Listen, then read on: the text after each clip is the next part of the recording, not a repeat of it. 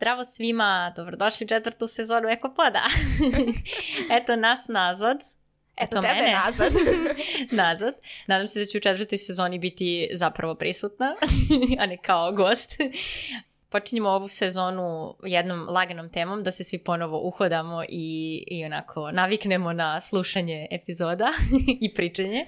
Današnja tema će biti odeća generalno tekstil i uh, problemi koje s kojima se suočavamo zbog tekstila i načina na koji se odnosimo prema njemu i sa njim.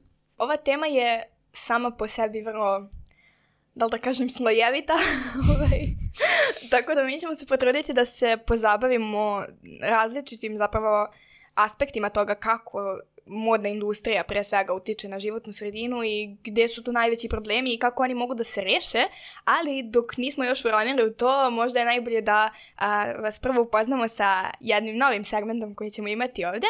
Evo između nas dve se nalazi kutija sa papirićima, na svakom papiriću se nalazi a, po jedna reč ili fraza i zadatak osobe koja na nedeljnom nivou izlači reč ili frazu jeste da smisli priču koja je vezana za temu koju obrađujemo, znači danas je to odeća, um, da smisli neku priču i u nju mora da ubaci tu reč. Ova druga će da razmisli malo o tome što je prva ispričala, pokušat će da se konta koja je reč u pitanju. Neka će biti lako ukoliko je neka od nas pisala reči koje su izvučene, nekada će da bude teško jer nemamo pojma šta je ova druga mogla da kaže. Naravno, to zavisi od toga koliko će, evo u ovom slučaju Dada danas biti sposobna da zamaskira tu reč kao nešto što se normalno nalazi u toj priči. Tako da moje je da obraćam pažnju na to koja reč zvuči kao da tu ne bi trebalo da bude i na kraju da da probam da pogodim koja je zapravo red bila koje je Dada izvukla, možete i vi da se igrate sa nama. Nakon što Dada završi sa pričanjem svoje priče, bit će jedno 5 sekundi vremena da, ovaj, se, da se razmisli, a onda ću svakako um, da nastavim razgovor sa njom i da vidim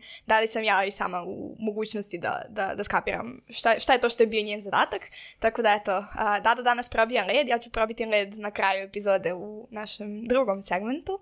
Ali eto, ajde. Znači ja sad eh, razmišljam o svojoj priči koju sam otprilike zamislila da ispričam unapred, a i prolazi mi razne reči kroz glavu koje nikakve veze nemaju s njom i već sam frci kako ću to da možete se provede. Ali ajde, evo, nam se da svi čuju kako. ja se nadam da će ti ispasti neka reč koja je kao tvoja, da znaš ono Da sama je. sebe zakopam. ne, pa dobro, da, da znaš šta je, da ja mogu da nagađam najbesmislenije stvari koje nemaju veze, ako bude nešto što sam ja pisala. Ajde da vidimo, ajde da vidimo. Evo žmurim. Aha. Uf. ok. Um, ovako, ovo je priča meni jedna od priča koje su promenile moj pogled na način kupovine.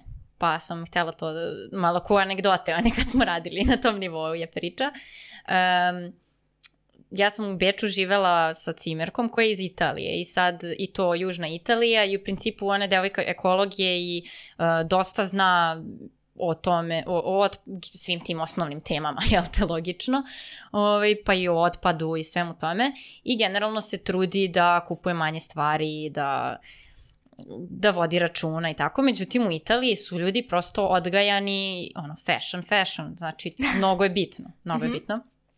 I sad, ona je tako isto naučena u svojoj porodici da jednostavno stvari se kupuju skupe i kvalitetne i ono što je moderno i tako dalje. I onda je ona u stvari pokušala kao to da smanji u su, kod sebe, da ne bude opterećena toliko odećom i time koliko ta odeća vredna i ne znam što, nego eto kao kupovaće jeftinije, bit će malo uh, obzirnije prema svom novčaniku i slično. I onda je njoj mama njena, pošto naravno njenoj mami ekologija nije na prvom mestu, sigurno, žena nema veze s tim, ali ona nije mogla to da podnese da sada moja cimerka kupi jeftin džemper, znači to ne dolazi u obzir. I onda je ona našla način kako njoj da objasni nešto što je njoj važno, mislim moje cimerki, a da je primenljivo na kupovinu skupih stvari. I onda je ona njoj rekla, pa eto, možeš kao da kupuješ uh, ti jeftine stvari i da kupiš je, ono, je, sezonski, znači ti kupiš neku majicu ili pantalone jeftino, one se raspadnu do sledeće godine, ti moraš da ih baciš. I, na primjer, za 10 godina da kupuješ svake godine nove pantalone, pritom da ne pričamo ono o uh, stvarima koje možeš da izazoveš sebi, da kupiš lošeg materijala, nešto da te sve svrbi, da, ne znam, uh, se više znojiš, da, mislim, hiljadu stvari, ili možeš da kupiš jednu stvar koja je dobro kvaliteta, dobar materijal, ok, skupa je, ali kad sabereš sve one stvari koje si umeđu vremenu kupila i bacila, ona će ispasti jeftina, a moći ćeš da je nosiš 10 godina. I ona tu njoj objasni kako u stvari manje otpada ostaje posle tebe ako kupuješ kvalitetne, skupe stvari. I onda je cimerka moja došla i bila u fazoru, pa ali moja mama je u pravu. Idem da kupim kupaće od 50 evra. Ja kao, ok, moj, ajde. ali znaš, ali ja ću taj kupaće stvarno koristiti 10 godina. Ja kao, da, good point. I onda smo, i onda sam ja tako odlučila, sebi sam obećala da kada budem ja imala svoju platu koja je dovoljno dobra, da ću raditi isto tako, da ću prestati da kupujem jeftine stvari i da ću da ću kupovati kvalitetnije, skuplje stvari, kad to naravno sebi mogla, bude mogla da priuštim i na taj način smanjiti taj otpad. Tako da, eto to je moja priča, iskoristila sam reč u malo izmenjenom obliku, ali iskoristila sam. Mm -hmm. Ok, a evo ništa, ostavljamo vam sada jedno 5 sekundi da probate da smislite koja je reč u pitanju.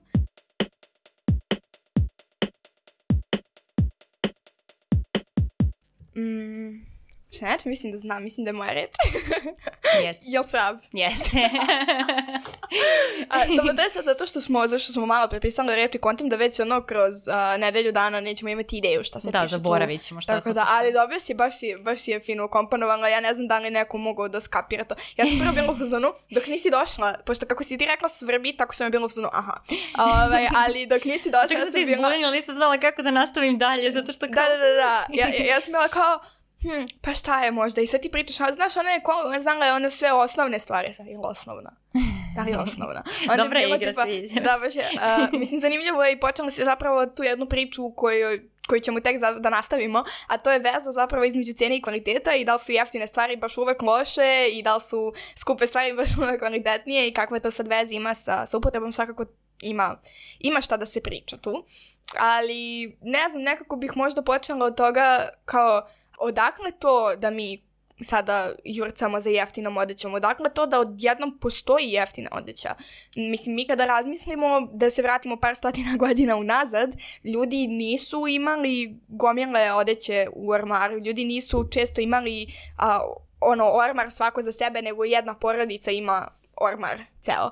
I kao, nekako mi se čini da, da, da ne razmišljamo mnogo o tome da mi sada stvarno imamo objektivno gledano previše odeće U smislu da znamo da dakle ranije toga nije nije ni bilo uopšte, međutim naravno kako se kako je došlo do prosto razvoja industrije, vi više niste imali ono, potrebu da unajmljujete ljude, da oni vama šiju po meri, pa onda bi to trajalo, pa bi to bilo skupo, pa biste vi nosili tako svoje četiri haljine, ono, jednu nosite dok se druga pere i tako dalje. To je nekada bilo sasvim, sasvim normalno i zaista se ranije tako i radilo, pa čak nije bila sramota ni da kralj nosi um, četiri odore, jednu pa drugu pa treću pa četvrtu pa ajmo i ovo nanovo. Sad je nekako um, da se pojavite u istoj stvari jednom u dve, ono, dva puta u nedelju dana, pa, pa bi vas neko gledao. Znaš, ono ideš u školu i obučeš isto stvari u ponedjeljak i u četvrtak, meni se to dešavalo. Kao ti pereš stvari. Jel ti pereš stvari, da. A, meni se dešavalo, na primjer, zato što mi imamo mašinu za sušenje veša. I onda, kako mašina završi, ja tako uzmem, naravno, ponovo svoj duks, jer zašto ja ne bih nosila svoj omiljeni duks, ne razumem. I ja onda tako do, idem u školu tri puta nedeljno sa istim duksom, koji se zapravo opra umeđu vremenu, ali kao i, i dalje nekom sa strane verovatno deluje da, da ja nosim tri stvari samo u krug. Tako da mislim da, da svakako toga sve manje i manje, pogotovo kada se na neki način ne insistira se možda toliko s polja, ali smo svi nekako ubeđeni da se insistira iznutra, ovaj, tako, da, tako da sve više i više je to kao, ja ne mogu ovo, ja sam zatekla sebe, a, spremala sam se, juče sam imala ispit i spremala sam se za ispit i uhvatila sam se za jedan duks Ja sam rekao, a ne, ja sam ovo nosila na ispit iz fizičke hemije, ja ne mogu ovo to nosim sad na ovaj ispit. A ispit iz fizičke hemije je bio nedelju dana ranije, ali nema veze. Jer razumeš, meni u glavi bilo kako, drugi, kako da? su mene i onako, ono, pošto viđam ove ljude sa fakulteta svakako je onako jednom u, u deset godina. Ovaj, razumeš, da me vidiš četiri puta i da me sva četiri puta vidiš u istom. Znaš, da, kao ljudi će misliti da nema šta drugo da obučeš. Što neko ljudi, što neko ljudi apsolutno ne interesuje, da. prvo zato što niko ne kapira šta ti nosiš, jer nikog nije briga, jer su svi zauzeti time šta će oni da nose, tako da zaista nije važno, ali, ali ima, ima opet to neki, neki uticaj na nas, razumiješ, čak i ja, koja ne mogu zaista za sebe da kažem da na bilo koji način pratim modu ili da me to zanima, koja u radnju sa odećom uđem jednom godišnje, i dalje imam to, kao, ne mogu da nosim to, zašto prošli put kad sam bila na tom mestu sam nosila isto to. Ne znam, bila je čak jedno, jedno vreme, ovaj, leto smo imali tu situaciju da sam ja nosila stalno onu teget majicu, ne znam da, da se sećaš. Svaki put kad snimamo desi se da ja nosim teget majicu, istu teget majicu i onda je bilo kao, ne, ovo je moja majica koju ja nosim na snimanje. Tako da ima, ima nečeg u tome da, da zaista smo toliko navikli da se sve vreme nosi nešto što nije nošeno u prethodnih x dana, to mi je, na primjer, jako zanimljivo kako smo došli do toga. Mislim, činjenica je da je sve jednostavnije proizvoditi odeću, da je sve jeftinije proizvoditi odeću i da je sve jeftinije zbog toga i kupovati odeću. I nekako smo se zaboli, da, da tako kažem, u to stanje svesti da mora da se kupi jednom u ne znam nija koliko novi džemper, jer bože moj, šta, kao šta ti nosiš stare stvari, jesi ti siromašan. Pa mislim da to jeste veliko. Da, jer i... kao kako zemlja se razvija i izlazi iz nekog siromaštva, onda želiš da ne bude više kao što je bilo, jer te to podsjeća na taj period, da i one sa hranom, kad pričamo o bacanju hrane i sve, jednostavno kao, ma imam pare, sad ću kupim. da, da, da, pa uh, mislim, ja sam možda i, i sama ovaj, tu, tu, tu u to upala. Zato mislim da je bitno da Svi pričamo smo, o tome. Da. da, mislim da je bitno da pričamo o tome zato što se to svima dešava, koliko god da hoćemo da budemo zeleni. Ja sam, um, znači, svoje prve pare koje sam ikada zaradila, sam potrošila na majicu zato što sam je videla u, tipa, mislim, to je bio onaj bukvalno standardni omladinski posao, ja sam tad bila u srednjoj školi, to je bilo tipa slaganje majici, upravo jednoj od tih radnji koje prodaju gomila odeće za male pare i zapravo se to sve baci. Sve, mm. sve to što, što ja sada ne mogu da smislim i ta radnja u koju ja više nikad u svom životu ne želim da uđem, ja sam tu, dok sam slagala te majice, videla jednu koja mi se svidela i koja je bila na sniženju i onda sam je od svoje prve pare, svoje prve pare sam bukvalno vratila toj radnji. Da. Ove, za njihovu majicu. I nekako mislim zaista da je to nešto čega mi ne možemo da pobegnemo. Lepo je kupiti sebi novu majicu. Da. Ali opet, dok, dokle to ide? Naprimjer, u Srbiji se na godišnjem nivou po osobi kupi 41 komad odeće. Gde? E, gde, gde, razumeš? Mislim, uh, to je naravno prosek, neko naravno, kupuje da. mnogo manje, neko kupuje mnogo više, uh, neko će da uđe u radnju jednom i da kupi 10 stvari, neko će da ide po radnjama svaki drugi dan, ali će svaki 15. put tek da kupi nešto. Znači, to je sve mnogo zavisi od osobe, ali 41 komad odeće na godišnjem nivou je zaista meni onako skandalozan. Čak i da računamo da mnogo je iskrivljena, da kažemo, ta statistika zbog, na primjer, dece koje jako brzo rastu, pa im treba, pogotovo kad su mali još ako, ako je dete jedinac i ako, ne znam, nema u familiji ono, odeća koja se provlači sa kolena na koleno, razumeš, onda ti na svakih par meseci moraš bebi da kupuješ nove setove odeće, bukvalno, jer mora beba nešto da nosi. Tako da, nekako mi se čini da smo mnogo mnogo se zaneli sa time koliko odeće kupujemo, koliko odeće sedi u našim ormarima koju zapravo, to je možda meni najgore i ne nosimo. Pa mislim da 50% odeće prosečno ljudi ne nose, koje im se nalazi u ormarima. Pa mislim, da mo, a, mogu potpuno da se, da, da, da se skapiram tu. Bukvalno mogu potpuno Ja s vremena na vreme uzmem i kao pogledam šta sve ne nosim i onda se fokusiram da poklonim to jer kao zašto to sedi u mom ormaru. Ja sam, to je možda nešto što sam ja prenosila, vola da nosim, sad više nemam, što kažu, doesn't spark joy, kao ne želiš da nosiš iz da. nekog razloga, ali to ne znači da to samo treba sedi u tom ormaru, kao daj nekome. A svi imamo takve stvari koje nećemo verovatno nikad više obući. Pa mislim i koliko god da ih se rešiš i dalje ih imaš. Da, da, uvijek imaš, uvijek imaš nešto što ne nosiš. I to je možda pogotovo kad kupiš nešto novo i onda si kao ja sad želim da nosim ovaj džemper zauvek, A, I onda nosiš to i meni se, na primjer, desi, um, ne znam, opere se veš, ja ga isperam i onda me naravno mrzi da ga ubacim u ormar, pa ga ja stavim sa strane na dasku i stoji mi na dasci i ja ujutro kad ustanem ja sam uzmem sa daske. To što sam upravo isperala, nisam otvorila ormar, ima tri nedelje fazon. pa da. Tako da, to ima, ali, ali ono što se zaboravljamo jeste svakako da to naše kupovanje i nenošenje mnogo, mnogo, mnogo velike posledice ostavlja na planetu da, ostavlja velike posledice na planetu. Mislim da možda možemo i da navedemo razne neke stvari, mislim na planetu prvenstveno, ali i posledice direktno i, i na ljude. Uh, pa da prođemo kroz neke stvari koje su možda najuočljivije. Uh, I pošto si već krenula sa planetom, onda bih ja izvojila za početak klimatske promene. Gde, mislim, podatak je, ne znam, da da kažem, fenomenalan ili tragičan. Um, Fenomenalno tragičan. fenomenalno tragičan. Tekstilna industrija proizvede više ugljen dioksida od avio i brodskog saobraćaja zajedno. Au, brate. Na godišnjem nivou, da. E, što znači možemo da, znači onako pričaš kao o avionima, da doprinose klimatskim promenama, brodovi i sve ostalo, onda imaš Što nije samo... netačno. Apsolutno, ali onda imaš kao nešto što zajedno više od ta dva doprinosi, a to nešto je proizvodnja tekstila. Mislim, da. Tako da, e, definitivno jedna tema koje bi, o kojima bi mnogo više trebalo da pričamo kad govorimo o klimatskim promenama, a ne čujem baš da je toliko. Uvek će pričati ljudi o saobraćaju i o industrijama raznim koje su kao naftna, ova ona, ali tekstilna se tu nekako promuva Mm. Ovaj, kao izvuče se, ali ne bi trebalo, trebalo bi vrlo da, da skrenemo pažnju na nju.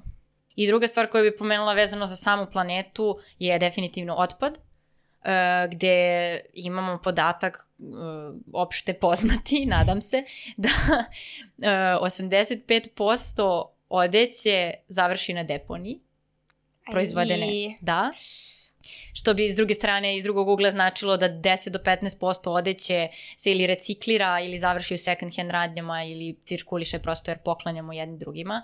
To je stvarno, stvarno meni tragičan podatak jer većina, sad nemam tačno koliko, ali sigurna sam da većina od tog procenta koji završi na deponiji uopšte nije moralo da završi na deponiji. Da. U smislu, ok, ako je bilo malo pocepano, verovatno je moglo da se zašije i da se nastavi da se nosi, a vrlo često nije ni bilo pocepano, kao, u, ne sviđa mi se ovo više, bacit ću, jer jednostavno mnogi, pogotovo u razvijenim zemljama, ne razmišljaju o tome, nego kao bacit ću, kupit ću novo. I to je strašno. Mislim, ne mogu ni da pojmim taj podatak kao zašto je sva ta odeća na otpadu. Da, pogotovo negde... zato što može da se, mislim, može da se koristi. Da. Nije, znaš, nije, nije kao crkla mi je hemijska, mislim, čak i hemijska da. možda da zameniš patronu, da. ali, znaš, nije, ne znam, crkla mi je sad na, crkle su mi slušalice na granici nepopravljivosti, jer sam ih toliko puta popravljao da više ne mogu uh, i da mi se više to nikako ne isplati i sad su crkle onako potpuno na mrtvo za stalno. ovaj, pa kao, ajde, da razumeš, ali ovo je nešto što i dalje može da vrši svoju funkciju. Čak i ako ne primarnu, može neku drugu. Znaš, ono, da. ne znam, ne valja ti majice više, ali ona može da postane krpa. Može, znači... da. Ili, na primjer, ne znam, um, sad, pocepa se ne znam, čarapa i onda imaš gomila pocepanih čarapa koje uzmeš i od njih napraviš neku krpenu lutku ili nešto, nemam pojma, mislim lupam sad. Inače, kad smo već kod čarapa, da li znate da uh, Srbija proizvodi 6,6% od ukupnog broja čarapa u Evropi. Meni to bilo baš onako fascinantno. Inače. Turska najveći proizvođač čarapa u, a, mislim, u Evropi, da tako kažem, pošto, ono, ajde, da je Turska Evropi, a naravno najveći proizvođač je Kina, ali ide Kina, pa Turska, pa Italija. Tako da ima mnogo čarapa u Evropi. ove, ovaj, to je, sad sam se setila ove, ovaj, da. tog podatka, ali da, mislim, svakako čak i za te neke stvari koje nisu, ajde da kažemo, donji veš, to je već koliko biste um, nekome zaista poklonili donji veš, to jeste onako možda malo čak i pipava stvar, ali opet većina odeće ne mora da bude. Mislim, ja evo sad nosim jaknu koju je moja majka kupila na kuponiku 2007. godine i kao jakni ništa ne fali, samo dok god možemo da čuvamo stvari. Ali mislim da je tu sad baš dobro pomenuti ponovo onaj moment kvaliteta da. i toga koliki je zapravo vek odeće koju kupujemo, baš, baš da se nadovežem na moju priču od početka, gde znači ako kupujemo baš loše kvaliteta odeću, zato što nam se tako dopada ili je jeftinije ili šta god, ona će mnogo brže da se pokvari, ne znam, raspadne, šta pocepa i onda će brže da završi i na deponiji bez nekog daljeg razmišljanja o tome da li da. s njom nešto možemo da uradimo. A to pa zavisi, znaš kako, zavisi od materijala, zato što jako često, Naravno. mislim, ti materijali su baš kritični, tipa većina materijala koji se koristi u odevnoj industriji kompletno i to jako velika većina je zapravo plastika, polijester, nafta Znači, to je... Uh, ka... Pa 65% je sintetika. Zapravo. Jeste, da. jeste, da. Znači, ako uzmeš i vidiš, no, znači 65%, znači tih 35 preostalih posto, to je vuna, to je pamuk, pamuk, koji opet imaju svoje probleme. Znači, za pamuk je potrebna nenormalna količina vode da bi se uzgajao, a onda to se treba transportovati, potrebne su mašine koje će to da prerade, jer vama onaj normalan pau, pamuk pre nego što... Pauk. onaj normalan pamuk pre nego što ga vi obradite nije nije zašto, isto važi i za vunu. Znači, prosto svi ti materijali moraju da se izobrađuju do besvesti da bi na kraju u, najvećem slučajeva samo stajali u armaru. A opet veliku većinu, kažem ponovo, čini dakle, ta sintetika, taj polijester, to odvratno ljigavo koje je bukvalno plastika pomešana sa još plastike i naravno da će da se raspadne.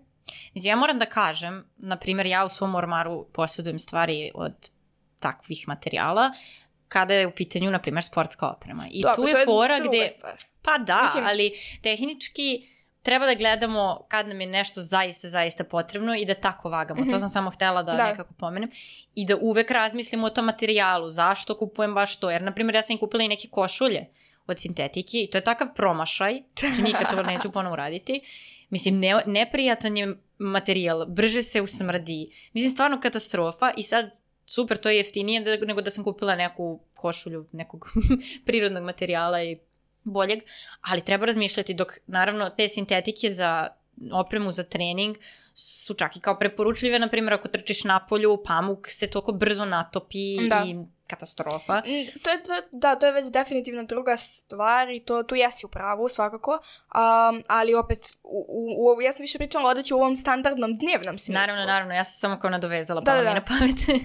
ali to je, to, to stvarno jeste i mislim, ne znam, nekako meni i dalje na, najviše me bolje što mi zapravo time što više nosimo stvari, Znači, pričamo sve vreme o tome kao uh, kupim nešto pa mi stoji u armaru, a zapravo u ko, mnogo je bitno da li ćete vi nešto nositi 5 puta ili ćete nositi 50 puta. Jer ako nosite 50 puta, vi zapravo onda smanjujete svoje emisije mnogo, nego ako samo nosite 5 puta i onda na svakih 5 puta kupujete novu stvar. Zapravo je 4 puta manja emisija ako nešto nosiš 50 puta nego 5 puta.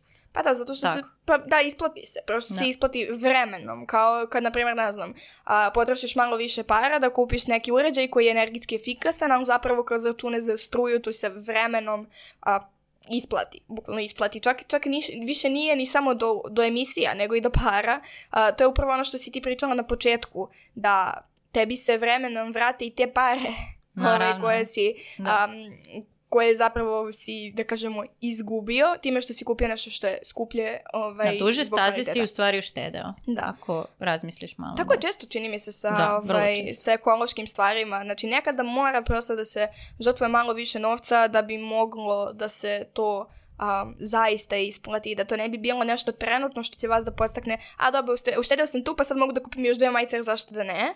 I da onda zapravo shvatite da, ne da niste uštedili, nego ste u minusu. Um, ali da, nekako, mislim, ne, teško mi je jako da razgovaram o, o modi ovde i o tekstilnoj industriji, jer iskreno jako sam dugo izbegavala tu temu na podcastu. Jako je dugo bilo kao, znam da treba time da se bavimo, ali uh, zato što je mnogo teška tema.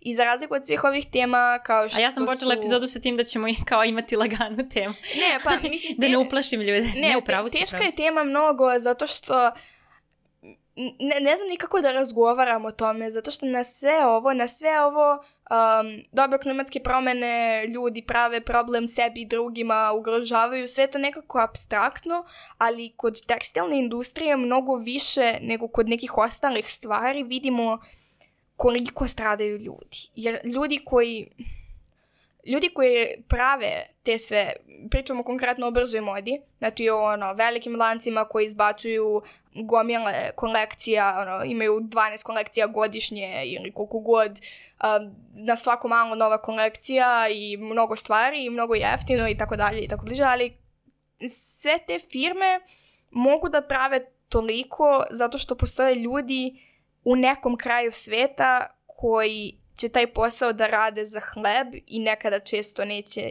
to ne nekad nego često, neće imati ni, ni dovoljno za taj hleb. Meni je možda to najtragičnija stvar kod tekstilne industrije. Mnogo mi je teško da pričam o tome. Mi smo pričali mnogo o etici kada je u pitanju ubijanje životinja, kada je u pitanju testiranje na životinjama i različiti neki eksperimenti. Ovo je bukvalno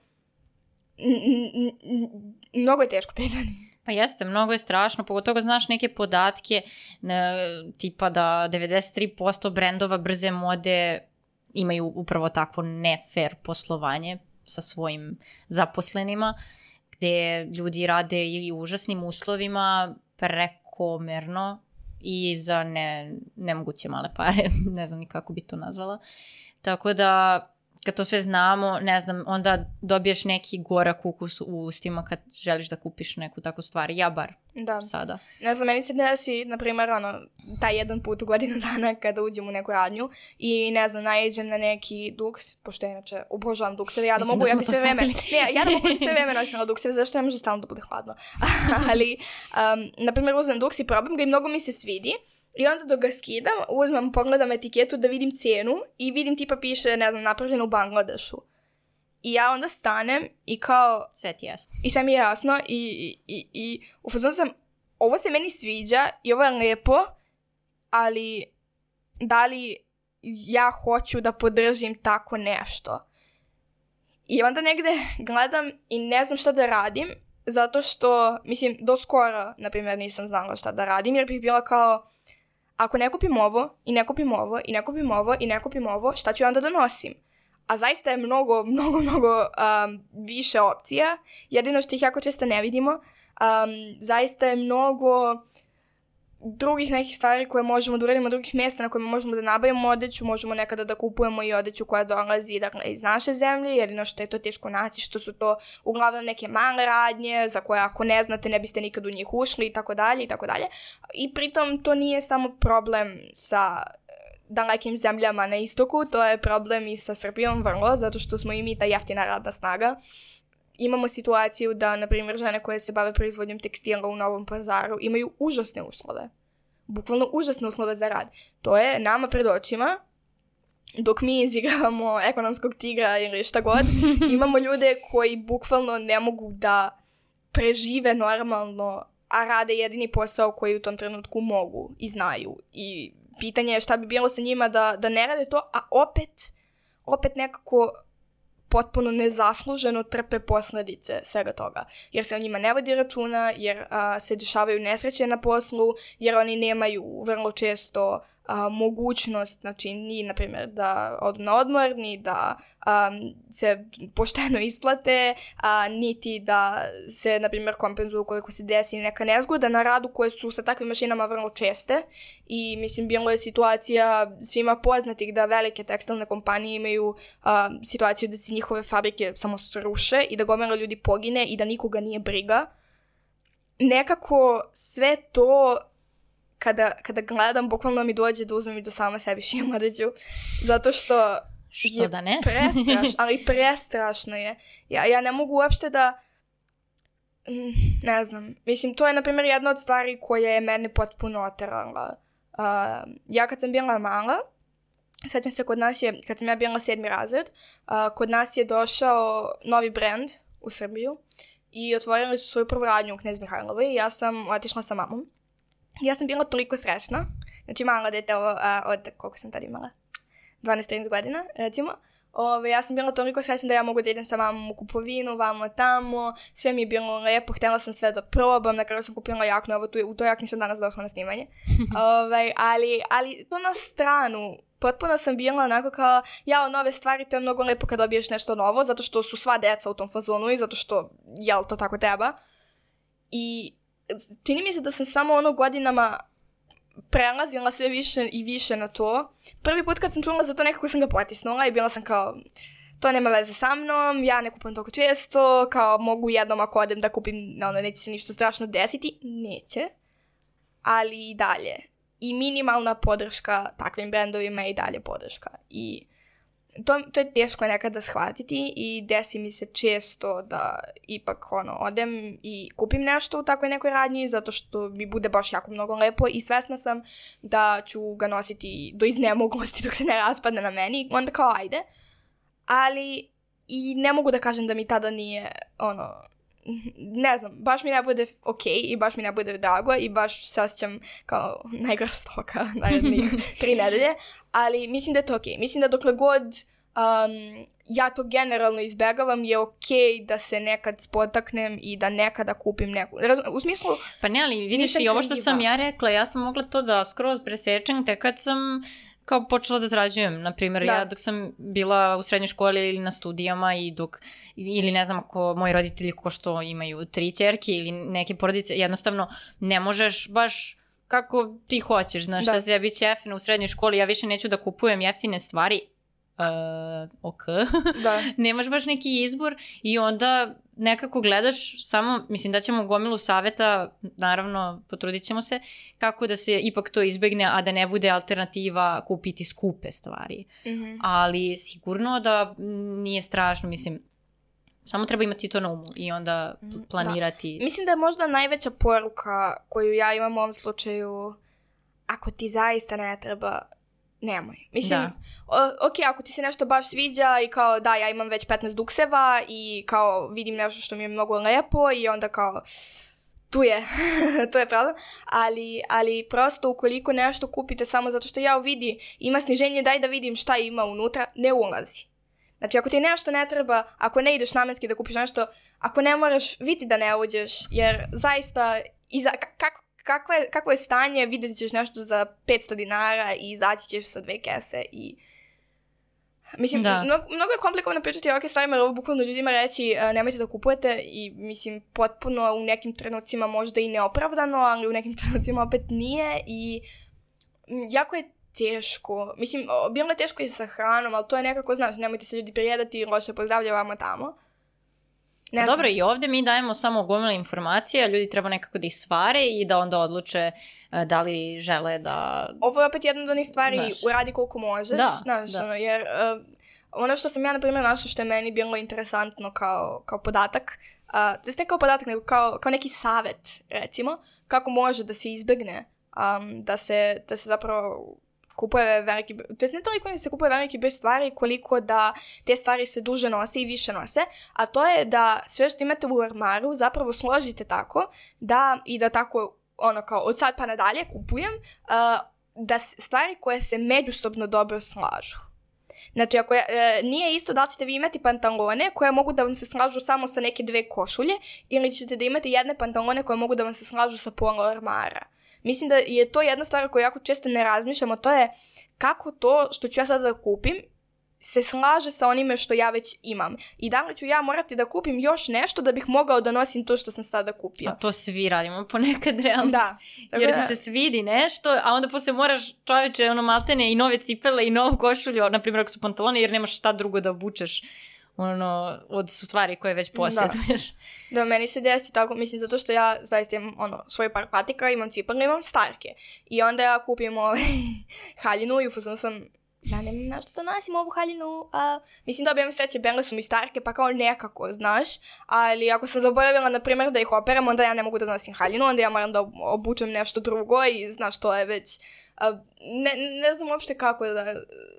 Mislim, naš, teško je opet sve i da si ti našao sve te stvari, sve i da si ti uklopio sve što imaš, opet će ti se desiti, znaš, vidjet ćeš nekad nešto što nije tvoj stil i opet u redu je, u redu je uzeti nekad nešto novo sebi, u redu je častiti se, sasvim je okej okay častiti se, pogotovo je okej okay častiti se kad je sniženje, ne možemo da kažemo, jer mislim, to je ono što si ti pričala, ne može svaki student to za sebe da odluči, pa ne može baš ni svaka zemlja. Mi imamo situaciju da u Srbiji a, je takva ekonomija da većina ljudi zaista ne može da obraća pažnju na kvalitet onda kada je cena najveći problem. Uh, ja mislim da tipa 40 nešto posto ljudi u Srbiji kaže da im je um, cena presudna. Ima ih više koji kažu da je kvalitet bitniji, ali i dalje.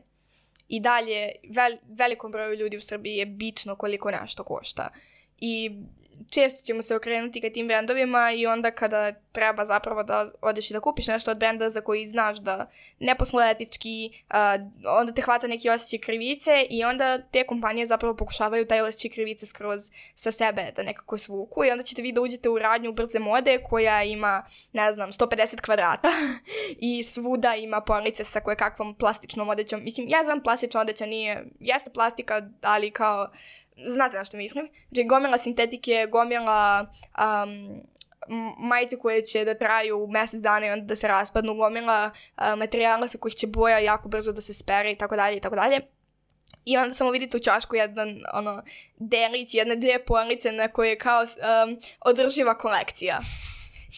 I kutiju koja je kao dajte nam svoju staru odeću, mi ćemo da recikliramo. M, Dobro, okej, ali to ne znači da ti i dalje ne praviš previše stvari koje realno nisu prepotrebne i koje neće sve da se ba da se iskoriste nego će da se bace. Uh, to što si ti stavio kutiju i rekao mi ćemo da recikliramo ovih 10 majici koje ste vi nama doneli i da ih postavimo u jednom čošku jedne prodavnice negde, ne pomaže društvo, mislim. Da, i to se zove greenwashing. To je primer direktno, super, super objašnjen primer greenwashinga kada neka kompanija odluči da kao radi nešto eko, nešto zeleno. Da bi, Prirodno. da, da bi kao izgledalo da oni vode računa o životnoj sredini, a zapravo ne. Mm, Da, i to je kao, uh, pravimo, ne znam, uh, odeću od organskog pamuka, onda vi dođete u radnju i vidite da postoje četiri majice od organskog pamuka, ali oni nisu lagali. Pritom organski pamuk ima svoje po, posebno uh, probleme koji ga čine Ne tako eko. ne tako eko, pogotovo u našim zemljama ovaj, u kojima nasuprot nekim drugim mišljenjima nema pamuka. znači, prosto treba razmišljati o tome kada kupujete odeću, prvo da li vam zaista treba, drugo odakle dolazi i treće, da li neko pokušava da vas uslovno rečeno prevari time što će vam reći da je nešto prirodno i ekološki i dobro i održivo, a očigledno nije. Da li će tim jednim malim gestom vama da kaže, e, vidi, ja sam dobar, iako je sve ostalo što radi u potpunoj kontradikciji sa time. O tome, mislim, isto treba razmišljati. I možda da dodamo neke super stvari o kojima niko neće razmišljati, ali svejedno mi možemo da kažemo, da svaki, pored toga što si si sve navela da treba da razmišljamo o tome, e, da možda nam padne na pamet da bukvalno za svaku proizvedenu majicu se potroši 2700 litara vode, a da se za svaki farmerke potroši 10.000 litara vode. Čisto onako to nam prođe Ja ne mogu da zamislim koliko je 10.000 litara. Vode. ni ja. Šta je 10.000 litara? Za jedne to je, farmerke. čekaj, stani, to je 10.000 centimetra, decimetra kubnih, što je 10 metara kubnih Da, za jednu majicu. za jedne farmerke. Za jednu farmerke. Iz- Da, da, da, čisto da. da budemo Da, da, da, precizni. da. Da, da. Wow, O, da. wow. mislim, ba, baš onako, kad vidiš tako neke brojeve, mislim, to je... Uf, to, Mislim, pazi, ima još brojeva. 8000 različitih hemikalija Dobro. se koristi za proizvodnju, Odeće šta? Da, od čega je 70 i više, ali kao bar 70, štetno po zdravlje i zemljište. Direktno. Da. Wow. Tako da, eto, na primjer, još to. Da, mislim, ja sam znala da ih ima dosta, nisam znala koliko ih tačno ima, koliko se meni čini da preko 20% svih hemikalija koje se proizvedu idu na tekstilnu industriju. I, mislim, stalno smo mi negde bombardovani tim činjenicama o tome koliko je brza moda loša, koliko je brza moda štetna uh, i čini mi se da sve više ljudi ima uvid u što ekološke, što etičke aspekte svega toga, ali da nekako ne vide neke druge posledice. Uh, odnosno, ne znam kako da mislim, vidimo to da a, se ljudi tretiraju loše, što je užasno, i vidimo to da, um, ne znam, se baca gomila odeće, što je opet užasno, i vidimo da se jako redko te stvari recikliraju, što je takođe užasno, ali ne vidimo tu potrošnju vode, ne vidimo te hemikalije, ne vidimo svu energiju i sav ugljenik koji nastane um, to jest ene- energiju koja mora se potroši i sav ugljen dioksid koji nastane dok se to um, uzgaja, na primjer ako je pamuk u pitanju, uh, da se to pokupi, da se to obradi, da se od toga napravi ode, to jest, ne, da se sirovina pošalje negde gde će da se napravi, da, da bi se onda poslala negde drugde, gde će da stoji, da bi se odatle slala na gomilu drugih mesta gde će da se proda i onda da se baci. Mislim, uh, Jeste, pa mislim, teško je da sve to nekako držiš u glavi i ne treba ni sada da zaista svaki put se to drži u glavi, ali treba znati, jer Mm. što više informacija imaš, to ćeš lakše da formiraš svoje mišljenje i generalno da formiraš svoje ponašanje na osnovu tog Mm. mišljenja. da. Tako da, eto, mi smo ovde svašta nabacale sad. Da, ovo, ovo je jedna od onih stvari koje baš moraju da idu korak po korak po korak, jer mislim da, da neko kaže sebi ja ću sada da izbacim sve one proizvode koji nastanu time što se neko dete u nekoj zemlji negde maltretira, mislim da, da bi samo odustao u jednom trenutku jer bi bilo previše, jer je toga previše. I mislim da treba stvarno ići deo po deo po deo i možda mi ne treba ova traka za kosu i možda mi ne treba a, ova, ne znam, majica, treba mi ova, ne znam, košulja zato što moram da idem negde, ne mogu da se obučem baš kako hoću i to je okej. Okay. I ja to mogu sebi da dozvolim, ali onda neću da kupim sebi pantalone koje stoje pored te košulje jer imam svoje kod kuće koje se slažu uz to. Mislim da je to možda, ako ćemo već da kupujemo tamo gde kupujemo, da je bolje da se to ima u vidu. Na taj način, da se o tome razmišlja na taj način. Da ne mora da se kupuje ceo ah, outfit, nego da može da se, da se prosto kombinuje i da da, svako. se izađe sa što manje stvari. Da. I tu bih ja možda dala još jedan savjet, a to je da nekad kada vam treba nešto, mislim, meni teško, ja ne volim shopping. Što, Same. da, eto, baš smo se našli, bolje bi bilo da smo različite, pa da kao da. imamo neku debat. Šalim se, ne volim, nikad nisam voljela, uvek me stvaralo veliku nervozu i to znaju moji prijatelji i ljudi koji kao uh, izvuku tu lošu kartu da odu sa mnom u shopping kad mi nešto treba. Jer ja kad uđem u prodavnicu, mene ona, ona, ona blješteća svetla i ona neka retardirana muzika koja treba da me učini da želim da kupim više i, i sve, cela ta atmosfera i gomila tih stvari koje su previše sve različite i to je toliko utisaka da valjda moj... treba probati. Da, znači ja mi i dobijem neki kao overload na senzorima, na čulima, ne mogu da podnesem sve to i unervozim se, tako da ja isključivo idem u shopping, ali tako od uvek, ništa, ništa novo, to nije promjena koju sam neku uvela, idem isključivo kada mi zaista nešto treba i to mm. ne u posljednjem trenutku nego kad je već kasno. Da. Zašto ako nemam više nijedne pantalone, moram da, da odem da kupim Meni se tako pocijepaju farmerke, znači kako se meni pocijepaju farmerke, tako moja majka samo što neka na plače. I moja majka kaže da je najgora stvar na svijetu ići sa mnom ovoj kupovinu odeće. Svi će za mene ti da ti kažu. A, pogotovo farmerke jer to treba da se svuče pa da se da, navuče. Da, da. Pa ovde možda prođeš, ovde ne možeš da prođeš. A, tako smo jednom, ja mislim, četiri sata išli um, po radnjama i probavali sve žive fajmerke i ja konačno nađem fajmerke i stojimo u ka, na ka, pred kasom u redu i a mama se seti da pogleda cijenu. I ostavimo e. fajmerke i ja ne uzmem fajmerke. Da, to ume da bude problem. Tako da, da. Da, ali zašto sam, zašto sam počela tu priču? Zato što baš ako ste taj tip, znači ne ideš sad da razgledaš milion stvari, nego ideš da nešto namenski pronađeš. Ja sam poslednjih nekoliko kupovina, kad sam znala, na primjer, da mi trebaju pantalone, ok, to možda bude malo napornije, ali sa svim lepim osjećanjima koje nosi bude ti u stvari bolje. Ja sam počela da obilazim radnje za, sa second hand odećom. I po, posljednji put su mi trebale pantalone i mama mi je javila kao je ima radnja, e, danas je sve 300 dinara sve, potpuno nebitno. Mhm. Inače nije, ali imaju tako jedan dan u mesecu, valjda, kada je svaki deo odeće 300 dinara. I ja rekao, strava, mislim, šta mi teško da dođem, da pogledam, ako nema ništa, šta, nisam ništa da. mnogo izgubila, a možda ću kupiti pantalone za 300 dinara.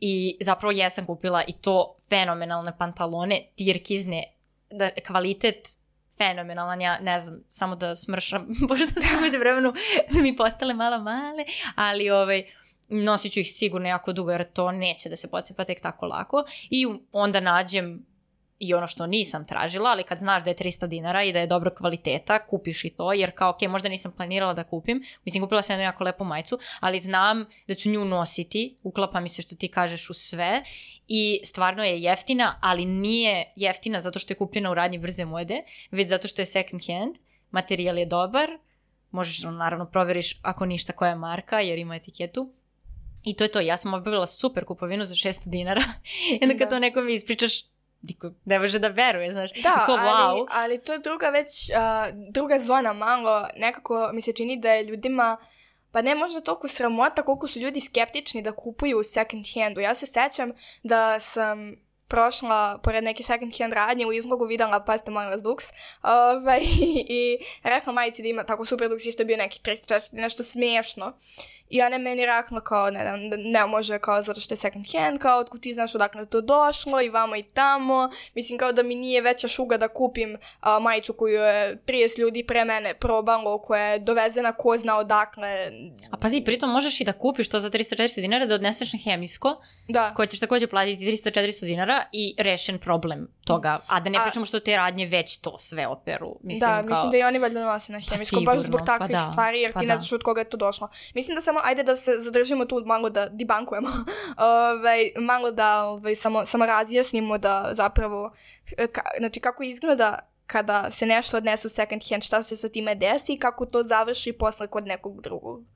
Pa u principu, ja koliko znam, prvo ne može da se donese bilo šta. Mislim, oni će, oni će prihvatiti samo uh, ono što je u dobrom stanju. Mhm. Jer, naravno da neće staviti u izlog nešto pocepano ili nešto što je potpuno izbledelo i nikako i tako dalje. Mislim, to redko ko će uopšte i da kupi, jel?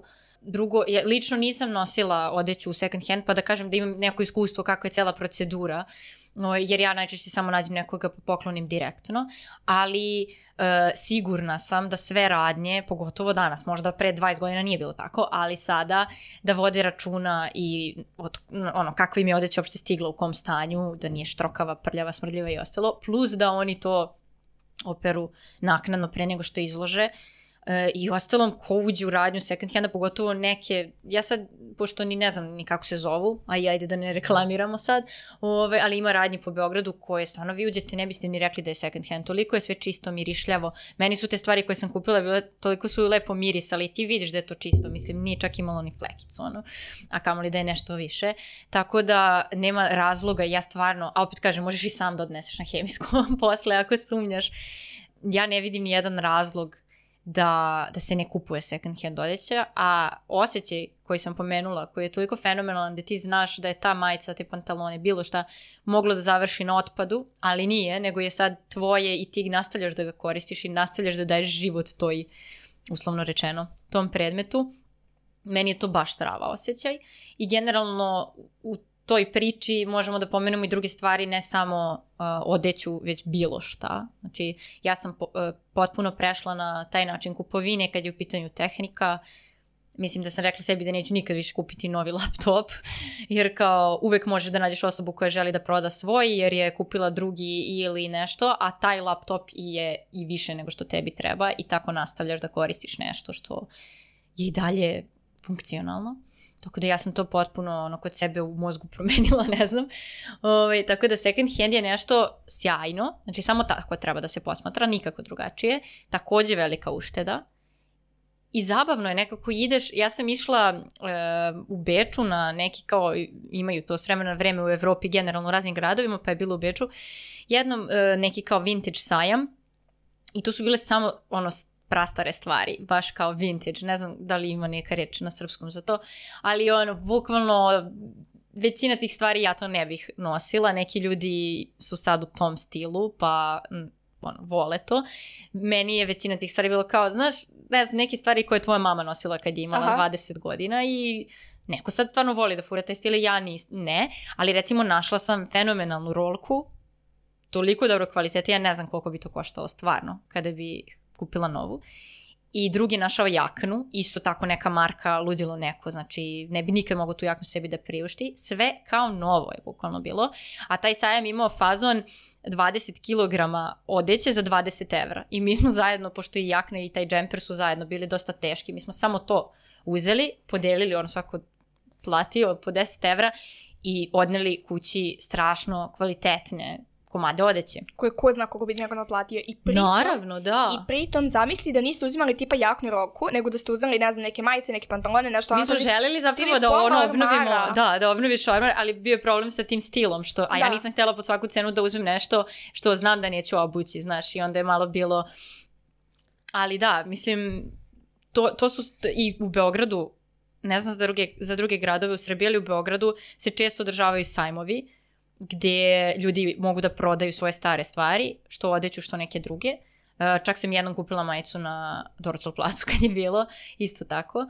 Ovi, tako da samo treba malo proveriti gde se takve stvari dešavaju i možeš časkom da upadneš u taj svet i da se osjećaš stvarno kao car. A dobro, toga verovatno i na onim grupama po Facebooku i to, znaš, onako pitaš, Jest. sigurno će negde naći, tipa, verovatno u miljenoj grupi da ima, da odeš i da pitaš gde mogu da nađem to, to, to i to, 20 ljudi će ti kaže gde. Yes, tako. A, ono što sam ja još videla, u što još... miljenoj grupi, da kažemo ljudima.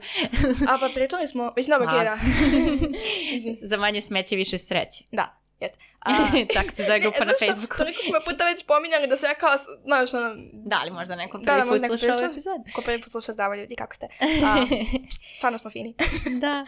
A, ono što sam ja još videla što je baš mi bilo interesantno i što mi je baš bilo lepo jeste za neke stvari koje vam realno ne trebaju svaki put, svaki dan i koje ćete nositi jednom unikad. Naprimjer, haljine. Postoji gomila radnji gde vi možete da dođete da iznajmite haljinu na dan, dva, koliko god vam treba. Naprimjer, ne znam, idete na venčanje i onda, dobro ne idete na venčanje jer je korona, ali idete na venčanje. I treba vam neka haljina koju hoćete nosite tamo, a realno nemate ništa što vam je dovoljno svečano, a realno apsolutno vas ne interesuje da nosite svečane stvari i znate da ako kupite sada haljinu, ponećete je jednom negde i više nikada nećete obući. A, to se meni desilo sa maturskom haljinom. Sada je moja mama nosi s vremena na vreme kada ide negde, ali ja više nikada neću obući, kao svesna sam da neću prosto. Ovaj, I znači, ono što možete da uradite jeste da odete u neku od tih radnji, da se, znači, ljudi koji rade tamo vam pomognu, da pronađete nešto što vam odgovara po kroju, po, ne znam, stilu i tako dalje. Vi iznajmite tu haljinu, odnesete na venčanje, vratite se, vi njima to vratite, oni to operu i ajmo dalje. I stvarno da, je sjajan. zanimljivo, nije model. mnogo skupo, Mm. jeftinije nego da vi kupite novu haljinu, a opet možete svaki put kad idete tako na nešto što je specijalno, da odete u novoj haljini, Da. praktično. Da. U, u nečemu u čemu vas niko nikad nije video, a ne kao ja da imate jednu haljinu koju nosite na apsolutno svaku svečanost na kojoj se ikada pojavite. Um, tako da to je možda to je možda ono što je meni, meni lepo, ali mislim da ono što mi je ipak srcu apsolutno najdraže, a to je baš posledica toga što se ovde nema para, to je poklanjanje odeće. I to je nasleđivanje odeće. I koliko god smo mi nekad kao, uh, ja, zašto ja ne mogu da imam u životu ništa svoje, nego ja moram da moje starije sestre, ne znam, da uzmem kao, ne, ne, to je divno.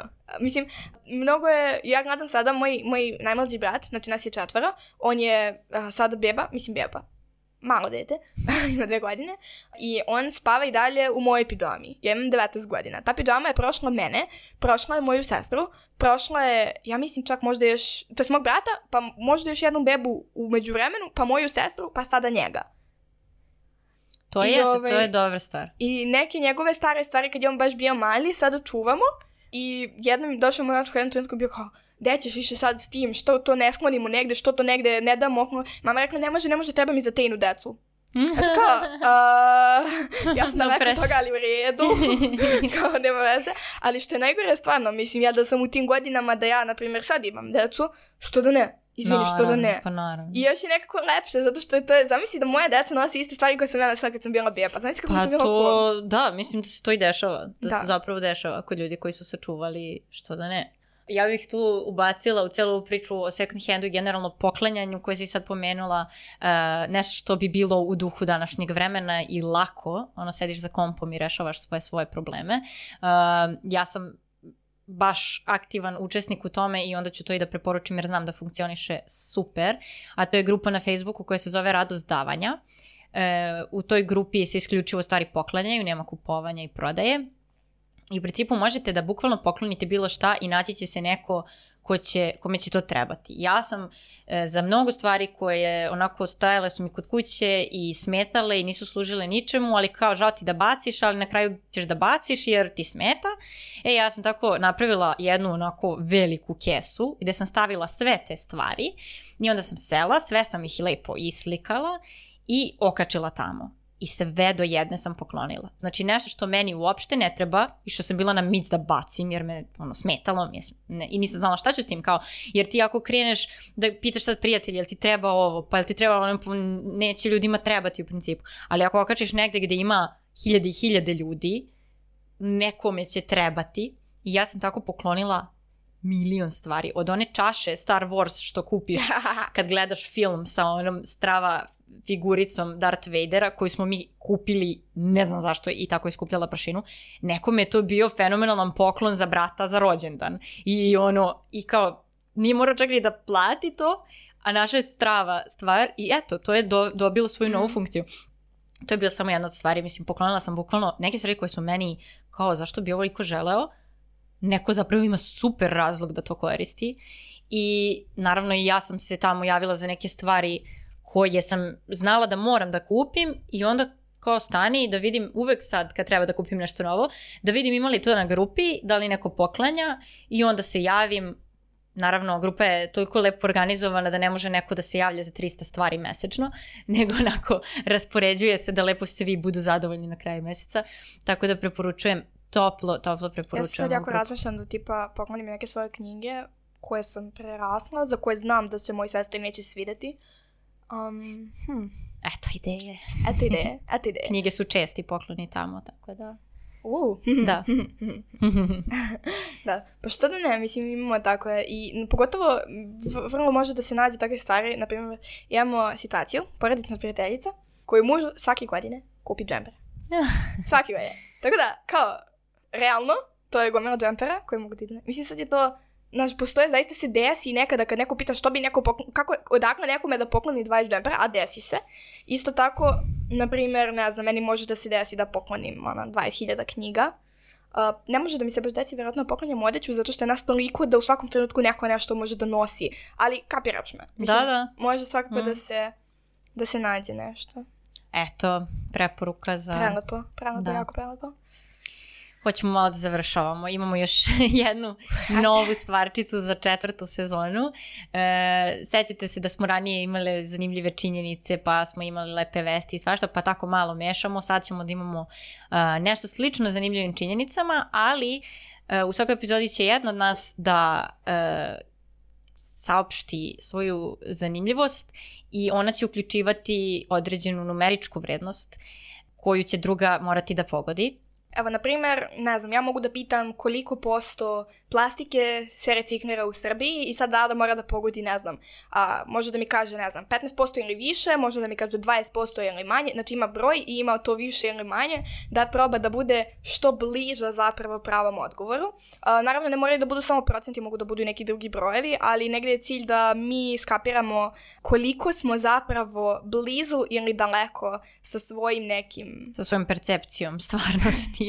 Pa i ne samo to, razumeš, ne, neke, pogotovo sa stvarima koje su nevidljive, nekako mi nemamo, ili koji su mnogo veliki brojevi, pa ti uopšte nemaš osjećaj koliko je, na primjer, 15 milijardi flaša.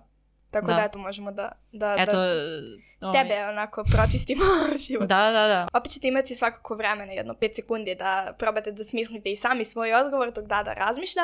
A evo zapravo i prvog, a, prvog pitanja za ovu sezonu.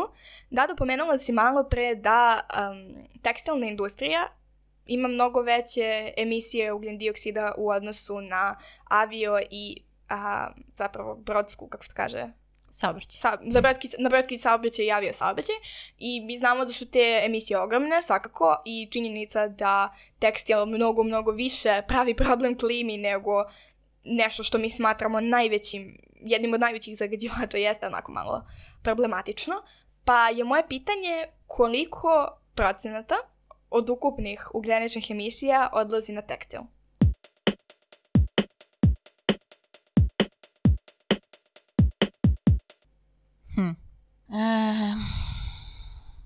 Da li da govorim svoj mis misaoni proces ili da, da samo... jako želim. pa ja mislim da 6% odlazi na drumski saobraćaj. Dobro. A da manje od toga odlazi na avio i uh, brodski. Dobro. A znamo da više odlazi na tekstilni nego ova dva zajedno. Tako da ću da nađem negde tu sredinu, mislim, sigurno nije neki veliki mnogo broj. Mogu da kažem četiri i više. Dobro. To je moj odgovor. Ok. 10%. Ok, da, da, dobro. znači, samo da objasnim, uh, zaboravili smo da objasnimo još jedna pravila, a to je da ćemo se kroz ovu sezonu takođe takmičiti, ovoga puta ne zanimljivim činjenicama i ovoga puta ne iskazima, već upravo kroz ovu rubriku. Evo, Dada je rekla da kroz četiri ili više, to je tehnički tačno, ali nije bila... Nisam baš bila blizu. Nije baš iskreno. bila dovoljno blizu, da. Nisam omanula kao 70%. da. ali da, slažem ovaj, se, trebalo je da budem tako bliže. Tako da da, da dobije mm. jedan poen, zato što je ono što je rekla istina, četiri ili više, to je tačno. A, da nije, dakle, pogodila ni to, da je rekla tipa četiri ili manje, bilo bi svakako nula, ali da je bila bliža, bilo bi dva poena. Ovaj, tako da, eto, skupljamo poene, trenutno je 1-0 za Dadu, skupljamo poene do kraja sezone. Ona koja izgubi, odnosno ona koja bude imala manje poena, mora od otpada da napravi nešto za ovu drugu. Tako da se malo vraćamo u priču o cirkularnoj ekonomiji, o tome da otpad nije uvek nužno otpad i eto ja se nadam da, da, ćemo, da, da će da bude zabavno. Nekako. Biće sigurno zabavno. Eto, toliko za danas. Nadam se da ste uživali u prvoj epizodi četvrte sezone. Tu smo za sve vaše savete, želje, pozdrave i ostalo i trudit ćemo se da i ova sezona bude zanimljiva kao i prethodne. Slušamo se sledeće nedelje.